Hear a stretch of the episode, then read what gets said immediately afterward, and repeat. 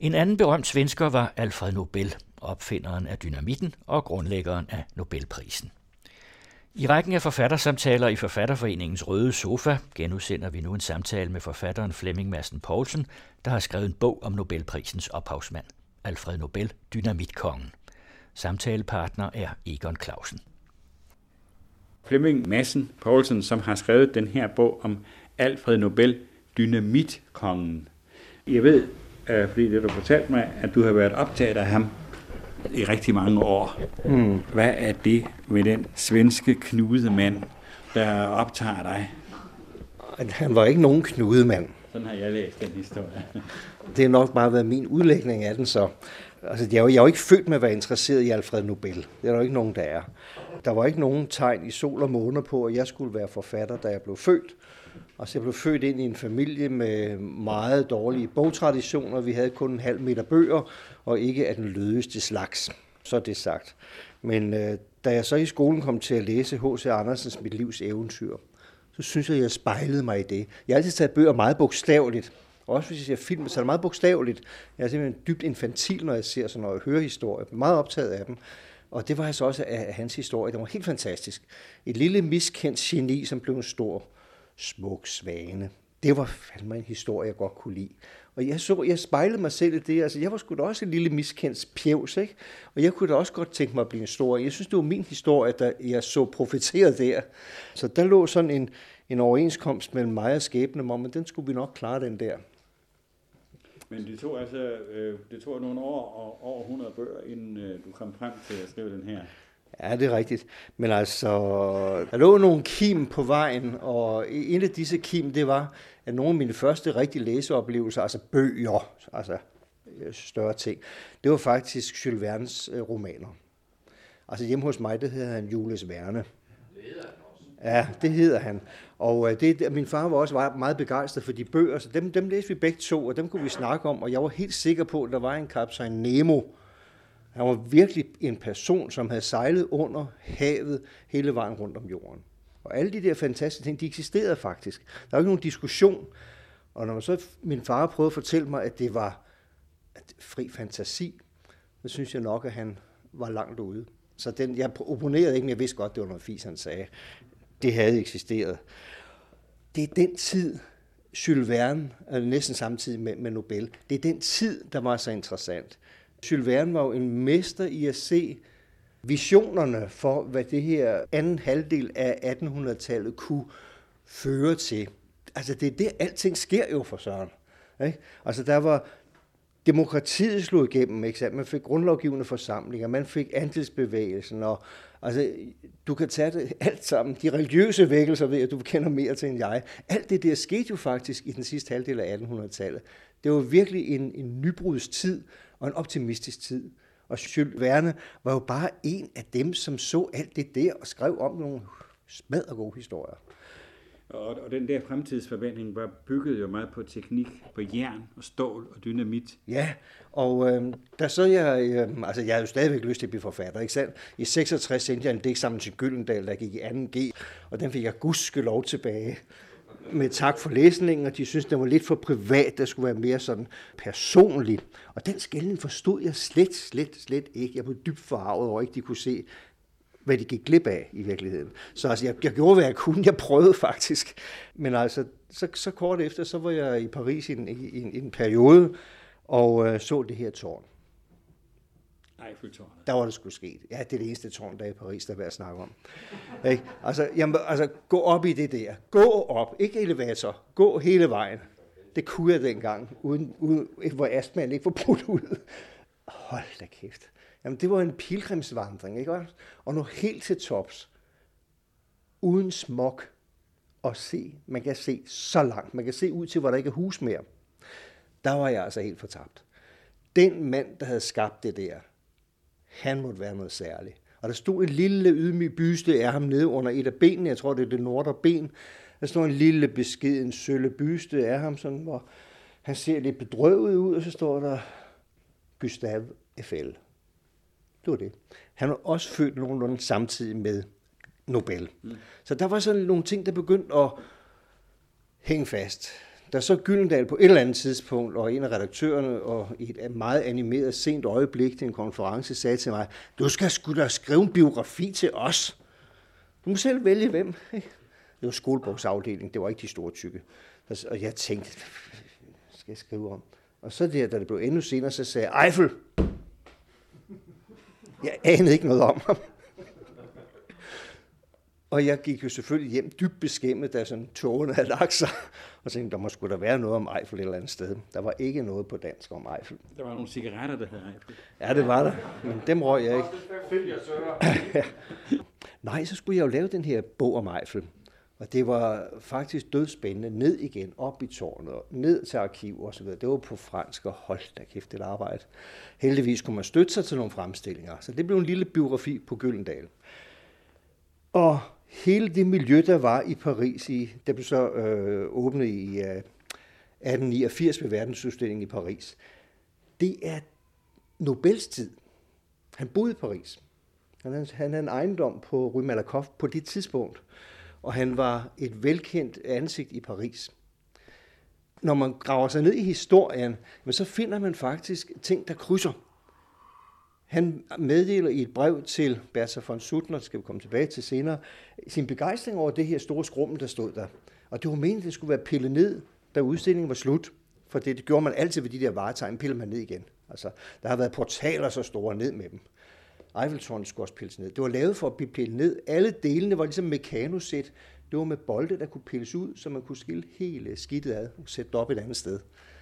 Men da man på det tidspunkt havde fundet ud af, at der var noget, der hed radio, som kunne transmitteres via nogle antenner, som skulle være meget højt op, så fandt man ud af, at det var egentlig ret genialt. Man havde en sendmast allerede. Så derfor blev den faktisk stående. Men altså, Nobel kom ind, fordi han var pariser. Men han var svensk. Ja, han var svensk, men han var kosmopolit om noget. Det, der var genialt ved ham, det var, at han var skaber af det der dynamitsyndikat, kan man godt sige, og det havde kontor over hele verden.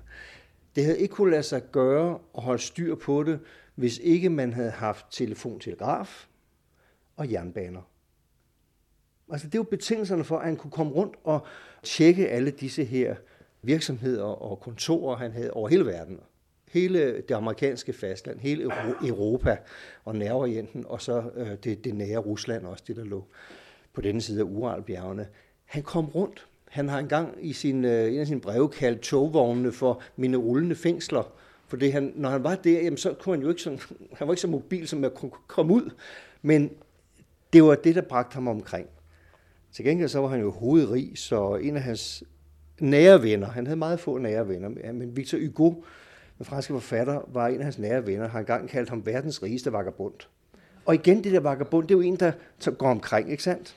Så det var et par karakteristika om ham. Men du startede med at sige også, at øh, han var ligesom den øh, grimme ælling, eller altså, han startede jo ikke i, i sådan særlige øh, velhævende omstændigheder. Nej, det kan man ikke sige. Altså, faren var, var også opfinder af, af, han var kemiker det er ikke det samme som at være kemiker i dag, hvor faggrænserne er meget, meget snævre. Der skal man være organisk kemiker, eller uorganisk kemiker, eller være biokemiker, eller hvad ved jeg. Der, der var kemi noget helt andet. Det var også mekanik, det var også fysik, det var også matematik. Der var så mange ting, der indebar det at være kemiker. Men øh, Alfreds far var kemiker, Emanuel, han opfandt øh, alle mulige mærkelige ting. Øh, noget af hans største bedrifter, det var faktisk at skabe søminer. Altså at få, at få sprængstoffer ned i vand og få dem tjekket, så de kan sprænge ned i vand, det var faktisk meget svært. Men det lykkedes ham, og mens han arbejdede med det, så var han faktisk i St. Petersborg, mens den lille familie boede i Stockholm. Og der var ikke noget, man kunne sende penge hjem sådan på den måde, så de, de gik for lud og koldt vand. Den lille Alfred og moren Andrietta og hans to brødre, store, store brødre. Og de var ludfattige. Men hvad lavede han? Hvorfor, hvorfor, hvorfor boede han ikke i Stockholm? Hvorfor boede han i øh, St. Petersborg? Fordi han havde fået en kontrakt med den russiske hær. Og de, der var St. Petersborg faktisk hovedstad i Rusland på det tidspunkt. Derfor var han nødt til at være der for at kunne øh, holde aftalerne om leverancerne. Han opbyggede faktisk en kæmpe maskinfabrik i St. Petersborg, som på et eller andet tidspunkt havde over 1000 medarbejdere. Så det, det blev stort, men de første mange år, der fra Alfred blev født, og så til han var omkring 6-7 år, der var de ludfattige.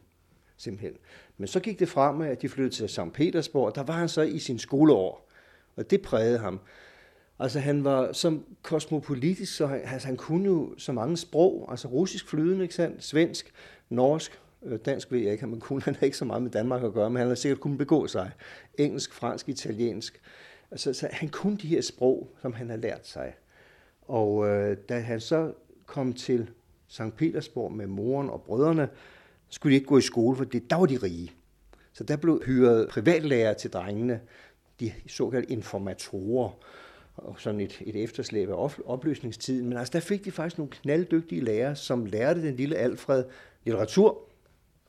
Han blev dybt bevæget af at læse de engelske klassiske digtere som Byron og, og hvad hedder Shelley, som han satte meget stor pris på. Han lærte sig engelsk perfekt i skoleårene for at kunne læse disse digtere og for selv at kunne skrive dem. Han skrev masser af digte. Men faren synes, det var noget tøsepjat, det der digteri, så det var det dengang i hvert fald. Altså Byron og Shelley var jo altså ikke noget, man samlede på lige frem, men digtene var okay.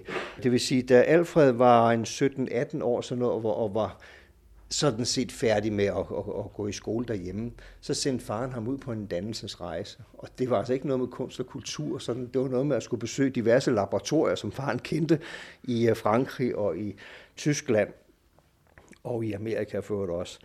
Der må lille Alfred altså tage turen rundt og opgive sin digterdrømme. Han mødte dog en svensk pige i Paris, som han blev dybt forelsket i. Og vist også gensidigt. Og øh, han skrev nogle fabelagtige digte til hende. Men så døde hun af tuberkulose, og det slog ham næsten helt ud. Det var lige før han tog hjem og ville altså ikke have noget med alt det kemipjat at gøre, for det, det, det var et hårdt slag for ham. Men øh, han blev jo, som I ved, inde i branchen, og det der med kvinderne skal vi komme tilbage til. Det skal vi tilbage til, men vi skal lige ja. høre det der med dynamitten. Hvordan, hvordan... Om altså, dynamitten var opfundet faktisk før Alfred øh, tillægges den, og det er ikke nogen hemmelighed, det kan man slå op alle steder. Øh, det var faktisk opfundet af en italiener. Det var flydende, og det var øh, flydende nitroglycerin, som man egentlig ikke rigtig kunne bruge til så meget. Man kunne tage lidt i munden, og der fandt man ud af, at det kvikkede sindssygt godt op. Hjertet begyndte at galopere ret hurtigt, og man bruger det rent faktisk også i hjertepiller i dag. Det, det, samme, det samme grundstof bruger man i hjertemedicin i dag. Så det, når folk siger, at de skal have deres nitroglycerinpiller, så er der altså ikke noget med eksplosiver. Så er det for at styrke hjertet. Det vidste man godt, det virkede sådan. Det kunne også eksplodere, hvis man hældte det ud, og hvis man fik slået på det, eller sådan et eller andet. Man vidste ikke rigtigt, hvorfor det eksploderede. Og derfor var det ikke rigtig nogen, der kunne bruge det til noget. Fordi sådan noget, man ikke kan stole på, det dur ikke. Men det, som Alfreds far Alfred og hans to brødre, de arbejdede videre med, det var for at få styret den der sprængningsproces. Ganske enkelt. Altså, de første mange år, der havde de kun den flydende del. De rejste rundt med det i beholdere, og var meget bange for, at de skulle ryste for meget, så røg det skidt i luften jo. Og øh, der skete nu faktisk nogle ulykker under transport, så de svenske myndigheder forbød transport af flydende øh, nitroglycerin. Og hvad gjorde Alfred så? Han skulle jo ud med det der skidt til, til de norske bjergværksejere, de skulle jo sprænge tunnel og alt sådan noget. Ikke? Øh, så gjorde han det, han puttede det i zinkbeholdere, som han satte i hatteæsker. Så kunne man godt køre i, sådan, i de der lukkede øh, vogne, hestetrukne vogne med hatteæsker inde i vognen. Der var ikke nogen toller, der gad tjekke jo. Og han sad jo og krydsede fingre for, at ikke det eksploderede. Det gjorde det som regel ikke. Så han kom rundt til Norge med det. Men det var hele tiden det, de arbejdede på, at få det gjort stabilt. Og, og det lykkedes også? Det lykkedes faktisk, ja. Hvordan? Altså, jamen, det lykkedes faktisk til, i den her form, som en, en enkelt stang er. Altså. Er det dynamit, det der? Det er dynamit, det der. Jeg tror, det er serut. Nej, jamen altså, det, altså det, der sker ingenting. Der sker ingenting. Pointen var, at man kunne få det opsuget i noget fast materiale.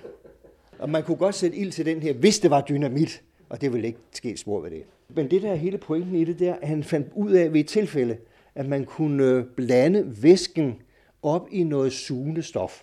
Og man fandt faktisk et sted noget, en lærart, en kiselgur hedder det i, i stedet i Tyskland. Altså ligesom at forestille sig molæ eller kattegrus eller sådan noget den stil. Ikke? Det kan også opsuge meget vand.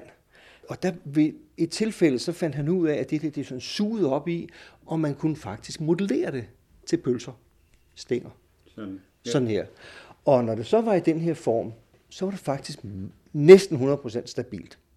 Så skulle man altså aktivere det på en eller anden måde. Det gjorde man altså med, med, med ild selvfølgelig, på en eller anden genial måde. Jeg kan ikke forklare det, hvordan de gjorde det. Men det lykkedes heller ikke rigtigt, for der skulle man til at komme væk jo. Yeah. så det, der var hans anden opfindelse, det her det er faktisk den ene. Den anden, det var, den har jeg ikke taget med, det er sådan en lang ledning, det var, at man kunne sætte en øh, detonator i.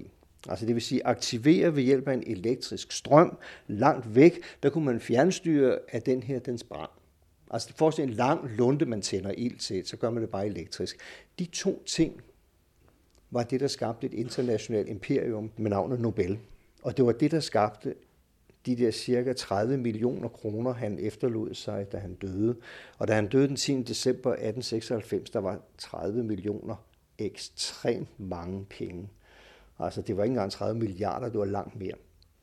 Og så har man ikke gjort grundpriserne op, hvor alle fabrikkerne lå endnu. Så det var, han var hovedrig simpelthen.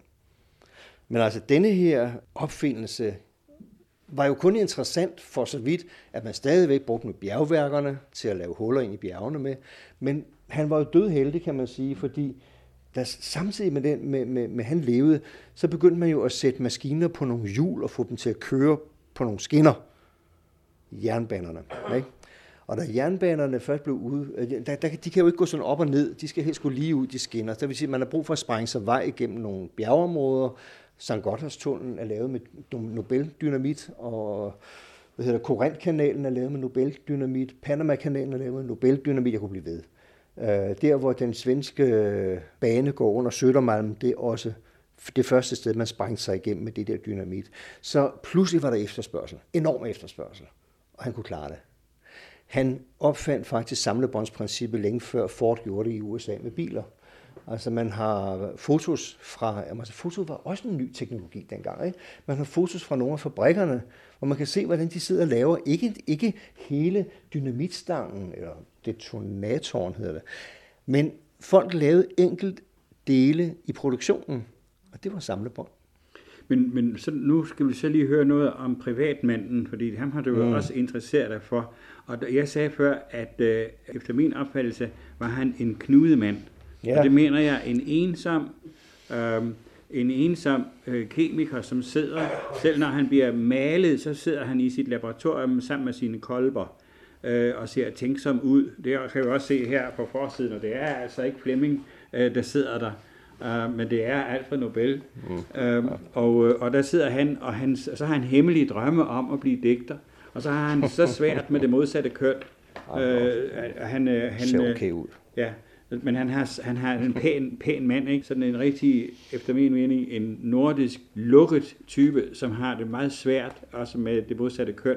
Og først da han får en pige, som ligger sådan dannelsesmæssigt et stykke under ham, så kan han ligesom, så har hun det der, og så kan han passe sine laboratorier. er det sådan? Ikke helt nej. Nu skal man sige, der rører du ved et, et, et virkelig fundamentalt problem, og det hedder biografiskrivning. Hvad er det for en person, man skriver frem af det, der er tilgængeligt? Ikke? Det, jeg har haft tilgængeligt, udover altså en hulens masse biografier, som jeg så også har læst, øh, og det er svært at gøre sig fri af, for man kan ikke sige, nu kender jeg ikke det, jeg har læst. Det kan man ikke. Men altså i, i det svenske Rigsarkiv, der ligger øh, brevsamlinger, stort set alt, hvad han har skrevet af breve. Han, han opfandt en måde at kopiere breve på, en slags hektograf, længe før det hed hektograf. Så man har hans brevkopier selv liggende. Man har de breve, han selv fik ind. Og øh, der har jeg læst et meget stort udvalg af det. Og der får man altså helt, helt, helt andet billede af den her mand. Det er rigtigt. Hvis nu den her pige i Paris ikke var død af tuberkulose, så har vi haft en anden historie. Det har vi ikke. Han var nødt til at fortsætte det rejseri. Når han kom hjem, så var det bare med at høre her i laboratoriet. Det var fatter, der bestemte. Ikke sandt? Så arbejdede de. Og de lavede stor fabrik i Stockholm, ind midt i byen. Den sprang i luften. Så måtte de lægge den uden for byen med en temmelig mange døde. Det var privatlivet for hans yngste bror døde ved, ved samme lejlighed, så det var, gik meget hårdt til i det privatliv. Men altså, der var en person, der betød ekstremt meget for ham, og det var hans mor, Andrietta. Hun var simpelthen den der store romerske mamma. Altså hun elskede sine børn, og de beretninger, jeg har fra storebrødrenes breve om, hvordan hun klarede den der fattige tilværelse i Stockholm, mens Alfred var lille, de er, de er helt fantastiske. Der er en lille pige med svovlstikkerne, kan godt gå hjem og lægge sig med sine svovlstikker. Øh, hun var helt fantastisk, og Alfred elskede hende overalt på jorden. Hver gang hun havde fødselsdag, næsten uanset hvor han var i verden, så kom han hjem til hendes fødselsdag. Altså, det, det satte han meget, og hun blev tusse gammel, hun blev næsten 90 år. Men så forstår jeg da godt, at han har det svært med at finde en kone. Nej, nej, nej, nej.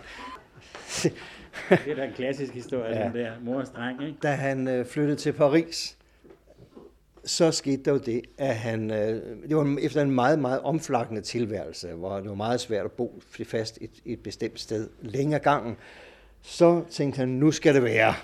Så satte han en annonce i en parisisk avis, sekretær søges. Og sekretær, det betød kvinde søges. Altså, en sekretær var en kvinde på det tidspunkt. Ja, enten er det et møbel, eller også er det en kvinde. Ja, det, det, var ikke nogen, det var ikke nogen etagere i hvert fald. Han søgte efter en, en uh, sekretær, og der var nogle få, der reflekterede. Han var kendt som en hovedrig mand allerede på det tidspunkt, så han blev bestormet med folk, der kom og tikkede af ham og ville ansætte sig sådan noget, så det har også været lidt træls for ham. Men den første seriøse reaktion, han fik, det var fra en Bertha von Kinski, og så noget mere af dem her med lange navn. Østrisk, øh, meget kultiveret dame, nogenlunde jævnaldrende med ham. Hun var, hun var hyperintelligent, øh, og hun søgte jobbet, og hun fik det. De havde en, en fin ansættelsessamtale, og øh, hun øh, blev installeret i en lejlighed tæt på, hvor han havde sit hus. De havde arbejdssamtaler, og hun kom ind i arbejde så småt. Han var nødt til på et tidspunkt efter få dage at tage til øh, England, var det vist, eller USA. Han skulle i hvert fald til en af de her fabrikker, der var langt væk, for at gøre et eller andet. Og det gjorde han så. Og i mellemtiden så fik hun besked hjemmefra, at nu brændte lokummet, altså hun var faktisk forlovet i derhjemme under sin stand. Og det vil sige, at hendes familie var ikke rigtig klar over den. Familien havde nogle andre planer med hende, og ville have hende arrangeret gift. Det havde man faktisk også dengang jo, i allerhøjeste grad. Så de havde fundet en mand til hende, som hun overhovedet brød sig om. Hun var hemmelig gift med en von Suttner, som adelsmæssigt lå lavere i rang. Og da hun fandt ud af det, mens Alfred var ude at rejse, øh, efter syv dages ansættelse som sekretær, fandt hun, nu er jeg nødt til at tage hjem til Wien og gifte mig i hemmeligt med von Suttner, hvis det her, hvis jeg skal forhindre at blive voldgiftet med ham, jeg ikke kan lide. Det gjorde hun faktisk. Stærk kvinde. Og så kom, så kom så hun tilbage til Paris, så kom Alfred, og så friede han. Nej, han friede før. Han, han nåede fri, inden han rejste, for han, han spurgte hende øh, meget forsigtigt, om hendes hjerte var ledigt. Og det var det ikke.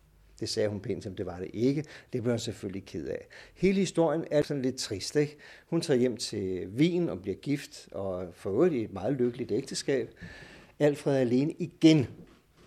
Og han hudler sig lidt igennem. Han tænker, det der med den sekretær, det gik ikke rigtigt. Men så pludselig en gang, hvor han er i Wien, så kommer han ind i en blomsterbutik og skal købe nogle blomster til sit hotelværelse. Så står der en pur ung pige, altså måske ikke 15 år, sådan kofodagtigt, men måske 17-18 år. Han kunne være far til hende. En ganske jævn pige fra landet står og binder blomster. Han falder fuldstændig pladask for pigen.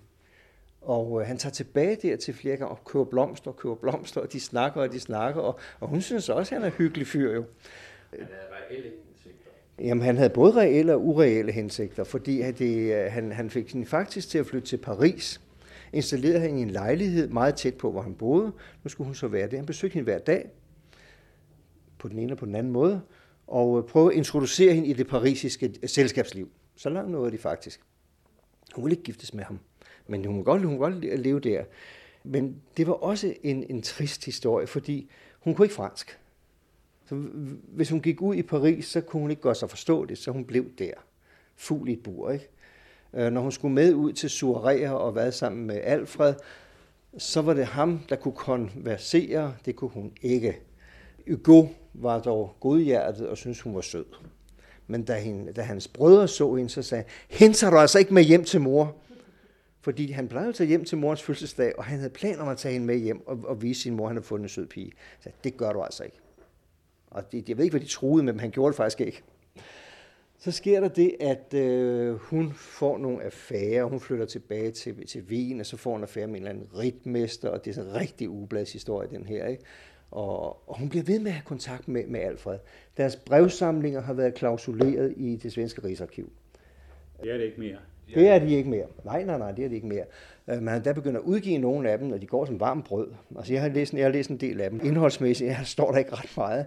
Men bare den der kærlige måde, han skriver på, og hun får øvrigt også, altså, han underskriver sig, din gamle brumse, brummebasse, eller brum, brummebjørn, eller sådan noget. Og det er fuldstændig intimt, det der, ikke sandt? Og jeg kan godt forstå, at altså, det, det kan ikke have interesse for offentligheden sådan på den måde, men som en brik i en forståelse af et, et person, som gang har levet, der synes jeg, det kan have sin værdi. Hvordan, hvordan endte det forhold? Hvordan, øh, Ganske rejsesfuldt. Øh, fordi hun blev ved at hænge på. Hun fandt ud af, at der var, der var pengeoverførsler sådan hver måned. For det, og han købte hus til en, og sommerhus, altså uden for Wien og her, og han forsørgede hele familien med en rente, som en ritmester aldrig kunne have præsteret. Og øh, så kom hans familie ind i billedet. De prøvede at afpresse Alfred for endnu flere penge. Om, øh, hvis ikke han gav dem, så ville de offentliggøre øh, de breve, han havde sendt til øh, Sofie Hess, hed hun jo. Øh, og det, det, var, det, var, det, det var så led den historie på mange måder. Han var lidt klem jo. Så øh, det endte med, at hun overlevede ham. Han betænkte hende. Der er faktisk to testamenter. Det første testamente, der betænkte han familien med det meste. Og Sofie Hess med rigtig mange penge. Øh, det gjorde han gudskelov om et halvt år efter og skrev et andet testamente, hvor der står bestemmelserne om Nobelprisen. Øh, priserne, de står i det andet testamente, og der får familien meget lidt, men Sofie Hess stadigvæk meget. Men altså, han, han hele livet igennem, der var han altså sådan en morstreng, som ikke kunne etablere et ligeværdigt forhold til øh, en person af det modsatte køn. Er det sådan, jeg skal ja, forstå kan man, det? det kan man godt kalde det, ja. ja. Fik han aldrig en Nej. No. Ikke nogen børn, øh, ikke nogen kone. Han døde barnløs. Du sagde også før, at han havde sådan hemmelige drømme om at, at digte, og der er, ja. også, der er også et manuskript mm. fundet, som det er faktisk ja. ret interessant. Jamen, altså, jeg synes, det, det, det som fængede øh, hos mig, øh, da jeg begyndte at læse om ham, det var, at han rent faktisk havde de der litterære interesser også. Man har hele hans bibliotek. Det er kæmpestort. Det er rummer øh, de, de epokegørende litterære værker fra samtiden simpelthen. Så det, han var meget orienteret. Han, man kan se, hvilke øh, tidsskrifter han abonnerede på. Det var for, næsten fra alle videnskaber. Og meget belæst. Ja, så skrev han også det, skuespil. Jamen, han skrev digte hele livet igennem og sendte rundt og fik kommentarer til os. Men øh, i, jeg tror det var tre år før, før han døde, der begyndte han på et, et, et, et drama, som hed Nemesis.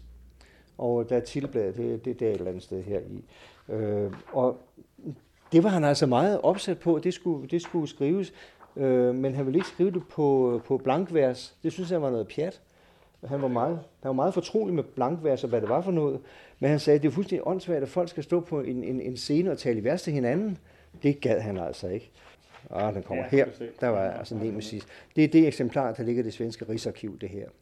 Altså, han øh, skrev det meget målrettet, og mens han blev eneejer af Bofors våbenindustri i, i Sverige, og han boede selv i Sanremo i Norditalien og så videre. Han var ekstremt aktiv de sidste få år, øh, han levede. Han vidste selvfølgelig ikke, at han skulle dø, vel? Men øh, det der øh, drama, det vil han have skrevet, det vil han have udgivet. Vi har hele korrespondancen med det, der vil i dag vil svare til konsulenterne, ikke sandt? Der var flere øh, af datidens førende øh, folk, som han korresponderede med. Hvad synes du om den her scene? Hvad synes du om det her? Ikke sandt? De svarede ham ærligt. Han prøvede at tage bestik. Han var ikke stedig på den måde. Han rettede. Og så på et tidspunkt var det færdigt, og han havde en bekendt, som var svensk præst i Paris, som skulle tage sig af det, trykning af det der. Så han sendte manuskriptet til øh, Paris fra Sanremo, og det blev så øh, sat, så at sige. Så han fik en korrektur, den nåede han at få i San Remo, og han øh, rettede i den og godkendte den så. Den blev sendt til trykning. Mens den blev trykt i Paris, så fik han en hjerneblødning og døde i San Remo. Han nåede aldrig at se det færdigt. Han døde 10. december 1896. Helt alene. Der var ikke nogen familie eller noget som helst. Kun en hovmester i nærheden. Og det havde han også frygtet lidt, at han skulle dø alene. Men så kommer så det mærkelige ved, han havde på det tidspunkt nået at ansætte en slags hovedsekretær for hele, hvad skal vi sige, arkivet og alt det der, en Ravner Solmand. Og denne Ravner var en meget ung og talentfuld øh, kemiker også, og han var, han, han var enormt organisatorisk dygtig til at arkivere breve og alt det der dyre, og blev alt for fortrolig. Altså, det var sådan ligesom fars søn aldersmæssigt. Så denne Ravner Solmand tog sig af det der med manuskriptet, og da Alfred døde, så tog Solmand til Paris, og der lå de alle sammen. 400 eksemplarer. Nemesis. Færdigtrygt. Og så var han jo nødt til at meddele familien, at der lå altså det her i Paris. Ikke? Så sagde de, fy for sat, lad os se at komme af med det. Og de berådte hele lortet brændt. Så der var tre eksemplarer tilbage. Ragnar Solmans fik et, hvor han har skrevet sit eget navn på, det var det, jeg gengav i bogen, ligger i det svenske Rigsarkiv. To til, som er forsvundet i dag. Man ved bare, at der var tre, der overlevede bogbrændingen. Og så var det sket, kan man sige. Men det var det jo ikke alligevel, fordi øh, det, har, det har levet videre. Det var det, jeg var spændt på, du, fordi jeg, jeg tænkte, det skal jeg læse. I øh, de fleste biografier, der gengiver man lidt af det, sådan hist og her. Og øh, så tænkte jeg altså, nu havde jeg været i det svenske Rigsarkiv, og jeg tænkte, okay, hvor mange dage skal jeg sidde og læse det her? Jeg vidste jo ikke, hvor sådan omfattende det var. Men så inden jeg nåede at lægge billet ind på det, så fik jeg læst en øh, krimi af Lisa Marklund. Det er den der lille, lille frimærke heroppe.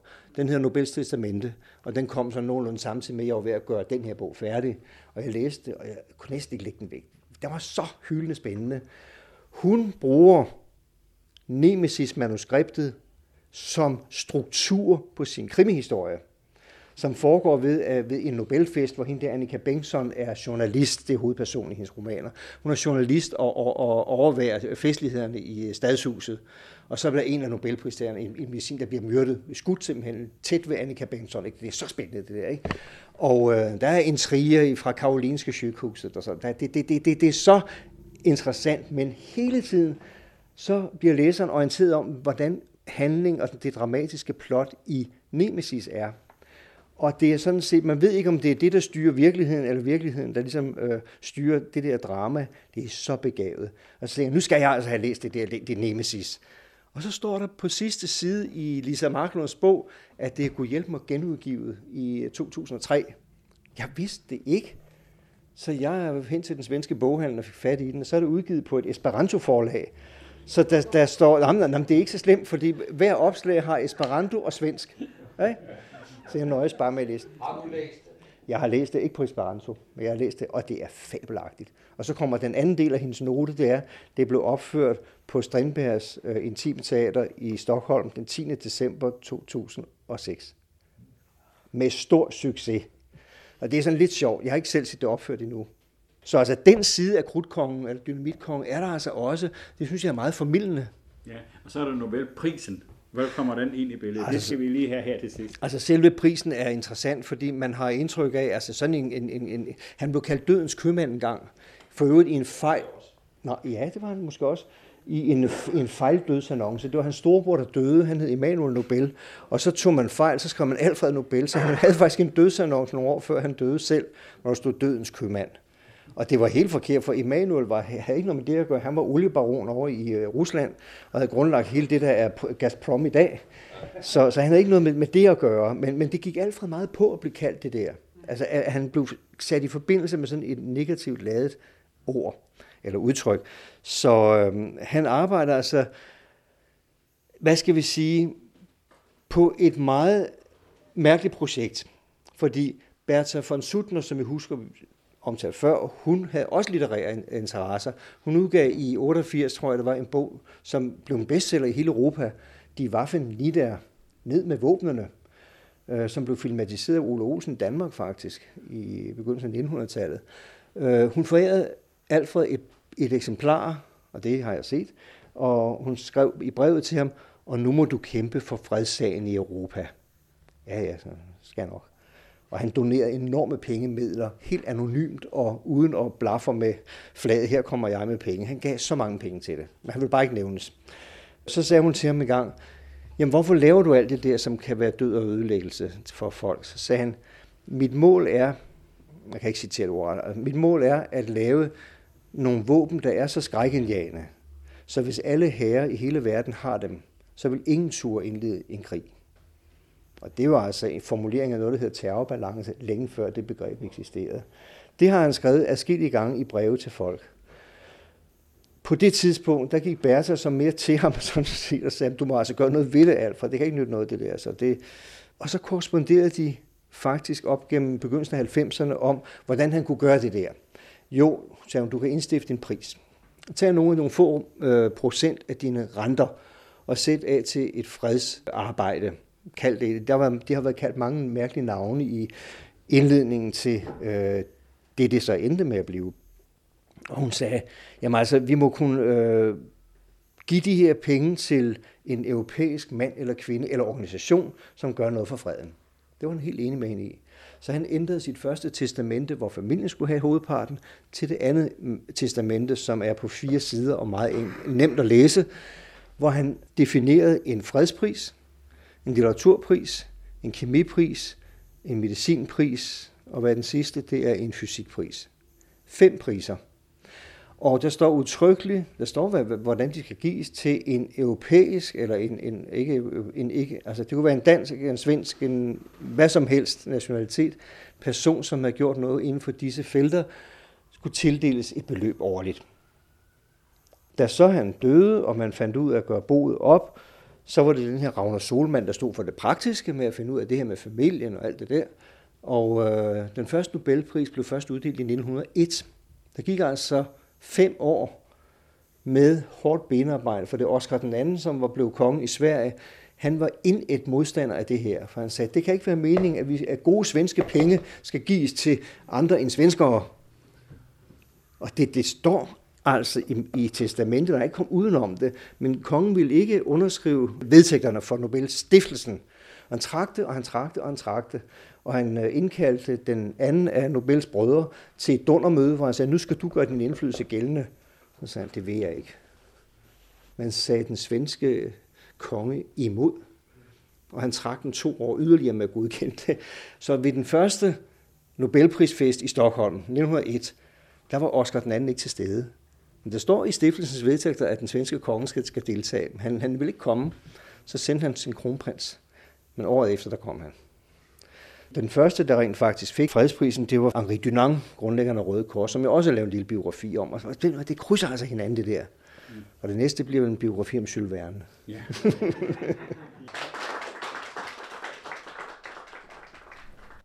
Flemming Madsen Poulsens bog Alfred Nobel, Dynamitkongen, er udkommet på forlaget Attica i 2007.